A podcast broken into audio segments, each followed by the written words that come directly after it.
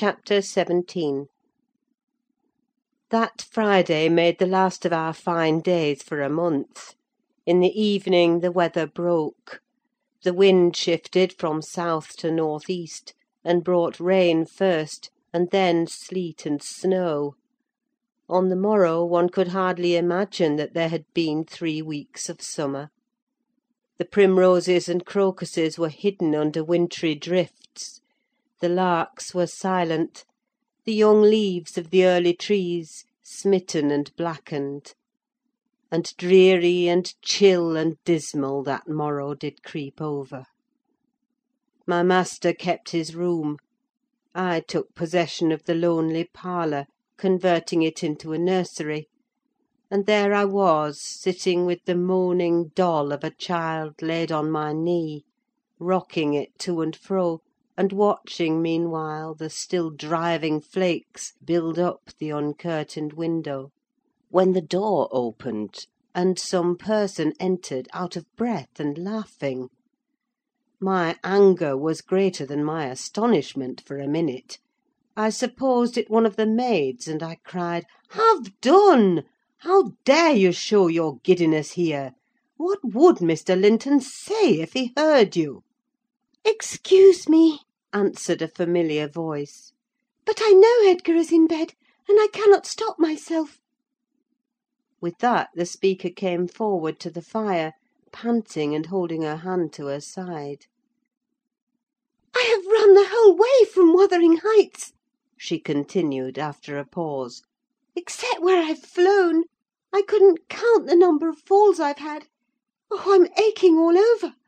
Don't be alarmed: there shall be an explanation as soon as I can give it: only just have the goodness to step out, and order the carriage to take me on to Gimmerton; and tell a servant to seek up a few clothes in my wardrobe." The intruder was Mrs. Heathcliff. She certainly seemed in no laughing predicament: her hair streamed on her shoulders, dripping with snow and water. She was dressed in the girlish dress she commonly wore, befitting her age more than her position: a low frock with short sleeves, and nothing on either head or neck. The frock was of light silk, and clung to her with wet, and her feet were protected merely by thin slippers. Add to this a deep cut under one ear, which only the cold prevented from bleeding profusely; a white face scratched and bruised, and a frame hardly able to support itself through fatigue; and you may fancy my first fright was not much allayed when I had had leisure to examine her. "My dear young lady," I exclaimed, "I'll stir nowhere, and hear nothing, till you have removed every article of your clothes, and put on dry things. And certainly you shall not go to Gimmerton to night, so it is needless to order the carriage." "Certainly I shall," she said, "walking or riding: yet I've no objection to dress myself decently. And, ah! see how it flows down my neck now: the fire does make it smart." She insisted on my fulfilling her directions before she would let me touch her; and not till after the coachman had been instructed to get ready, and a maid set to pack up some necessary attire, did I obtain her consent for binding the wound, and helping to change her garments. "Now, Ellen," she said, when my task was finished, and she was seated in an easy chair on the hearth, with a cup of tea before her, "you sit down opposite me, and put poor Catherine's baby away. I don't like to see it. You mustn't think I care little for Catherine, because I behaved so foolishly on entering. I've cried too, bitterly: yes, more than any one else has reason to cry. We parted unreconciled, you remember, and I shan't forgive myself. But, for all that, I was not going to sympathise with him, the brute beast! Oh, give me the poker! This is the last thing of his I have about me!" She slipped the gold ring from her third finger, and threw it on the floor. "I'll smash it!" she continued, striking it with childish spite. "And then I'll burn it!" And she took and dropped the misused article among the coals. There! he shall buy another if he gets me back again. He'd be capable of coming to seek me, to tease Edgar. I dare not stay, lest that notion should possess his wicked head. And besides, Edgar has not been kind, has he? And I won't come suing for his assistance, nor will I bring him into more trouble. Necessity compelled me to seek shelter here; though, if I had not learned he was out of the way, I'd have halted at the kitchen, washed my face, warmed myself, got you to bring what I wanted, and departed again to anywhere out of the reach of my accursed—of that incarnate goblin. Ah! he was in such a fury! If he had caught me! It's a pity Earnshaw is not his match in strength. I wouldn't have run till I'd seen him all but demolished, had Hindley been able to do it." "Well, don't talk so fast, Miss," I interrupted. "You'll disorder the handkerchief I've tied round your face, and make the cut bleed again. Drink your tea, and take breath, and give over laughing. Laughter is sadly out of place under this roof, and in your condition." "An undeniable truth," she replied. "Listen to that child! It maintains a constant wail. Send it out of my hearing for an hour. I shan't stay any longer." I rang the bell, and committed it to a servant's care; and then I inquired what had urged her to escape from Wuthering Heights in such an unlikely plight, and where she meant to go, as she refused remaining with us. "I ought, and I wished, to remain," answered she, "to cheer Edgar and take care of the baby, for two things, and because the Grange is my right home; but I tell you he wouldn't let me. Do you think he could bear to see me grow fat and merry? could bear to think that we were tranquil, and not resolve on poisoning our comfort? Now I have the satisfaction of being sure that he detests me to the point of its annoying him seriously to have me within earshot or eyesight. I notice, when I enter his presence, the muscles of his countenance are involuntarily distorted into an expression of hatred partly arising from his knowledge of the good causes I have to feel that sentiment for him, and partly from original aversion. It is strong enough to make me feel pretty certain that he would not chase me over England, supposing I contrived a clear escape, and therefore I must get quite away.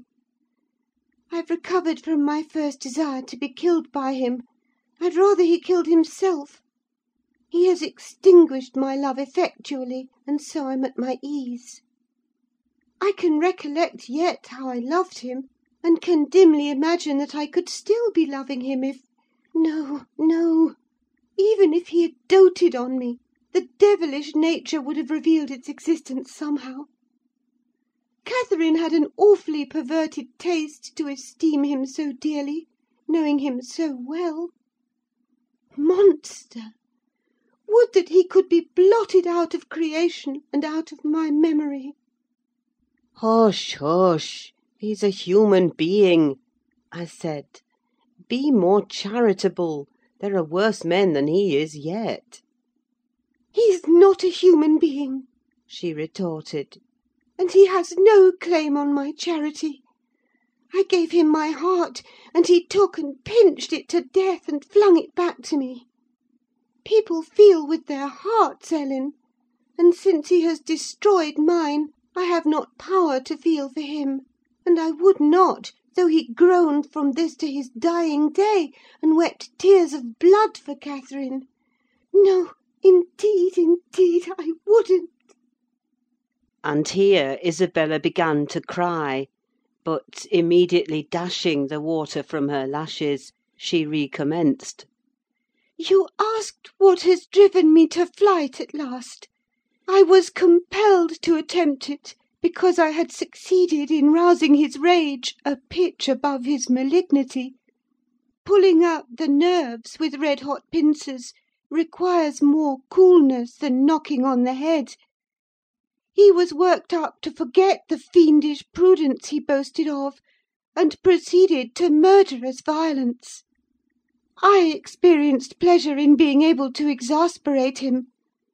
The sense of pleasure woke my instinct of self preservation, so I fairly broke free; and if ever I come into his hands again, he is welcome to a signal revenge.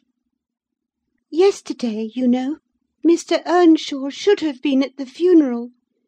He kept himself sober for the purpose, tolerably sober; not going to bed mad at six o'clock, and getting up drunk at twelve. Consequently he rose in suicidal low spirits, as fit for the church as for a dance; and instead, he sat down by the fire and swallowed gin or brandy by tumblerfuls. Heathcliff (I shudder to name him) has been a stranger in the house from last Sunday till to day. Whether the angels have fed him, or his kin beneath, I cannot tell; but he has not eaten a meal with us for nearly a week. He has just come home at dawn, and gone upstairs to his chamber, locking himself in, as if anybody dreamt of coveting his company. There he has continued, praying like a Methodist, only the deity he implored is senseless dust and ashes, and God, when addressed, was curiously confounded with his own black father. After concluding these precious orisons, and they lasted generally till he grew hoarse, and his voice was strangled in his throat, he would be off again, always straight down to the Grange. I wonder Edgar did not send for a constable and give him into custody. For me, grieved as I was about Catherine, it was impossible to avoid regarding this season of deliverance from degrading oppression as a holiday. I recovered spirits sufficient to bear Joseph's eternal lectures without weeping, and to move up and down the house less with the foot of a frightened thief than formerly. You wouldn't think that I should cry at anything Joseph could say; but he and Hareton are detestable companions. I'd rather sit with Hindley, and hear his awful talk, than with t' little maister, and his staunch supporter, that odious old man. When Heathcliff is in, I'm often obliged to seek the kitchen and their society, or starve among the damp uninhabited chambers. When he is not, as was the case this week, I establish a table and chair at one corner of the house fire, and never mind how Mr. Earnshaw may occupy himself, and he does not interfere with my arrangements. He is quieter now than he used to be, if no one provokes him; more sullen and depressed, and less furious. Joseph affirms he's sure he's an altered man; that the Lord has touched his heart, and he is saved, so as by fire. I'm puzzled to detect signs of the favourable change, but it is not my business. Yester evening I sat in my nook reading some old books till late on towards twelve.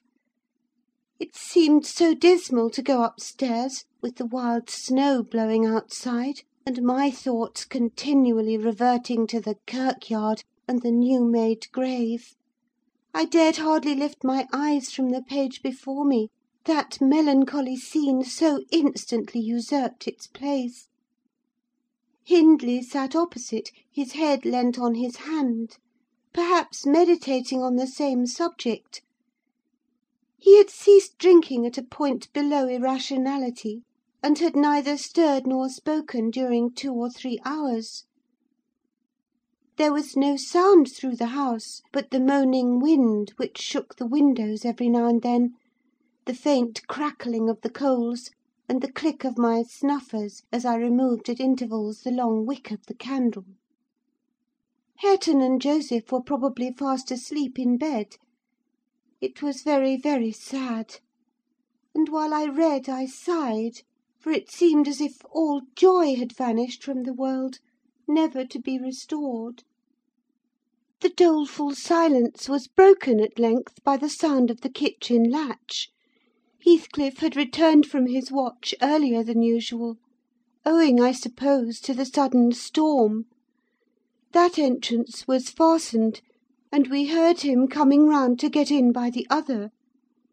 I rose, with an irrepressible expression of what I felt on my lips, which induced my companion, who had been staring towards the door, to turn and look at me.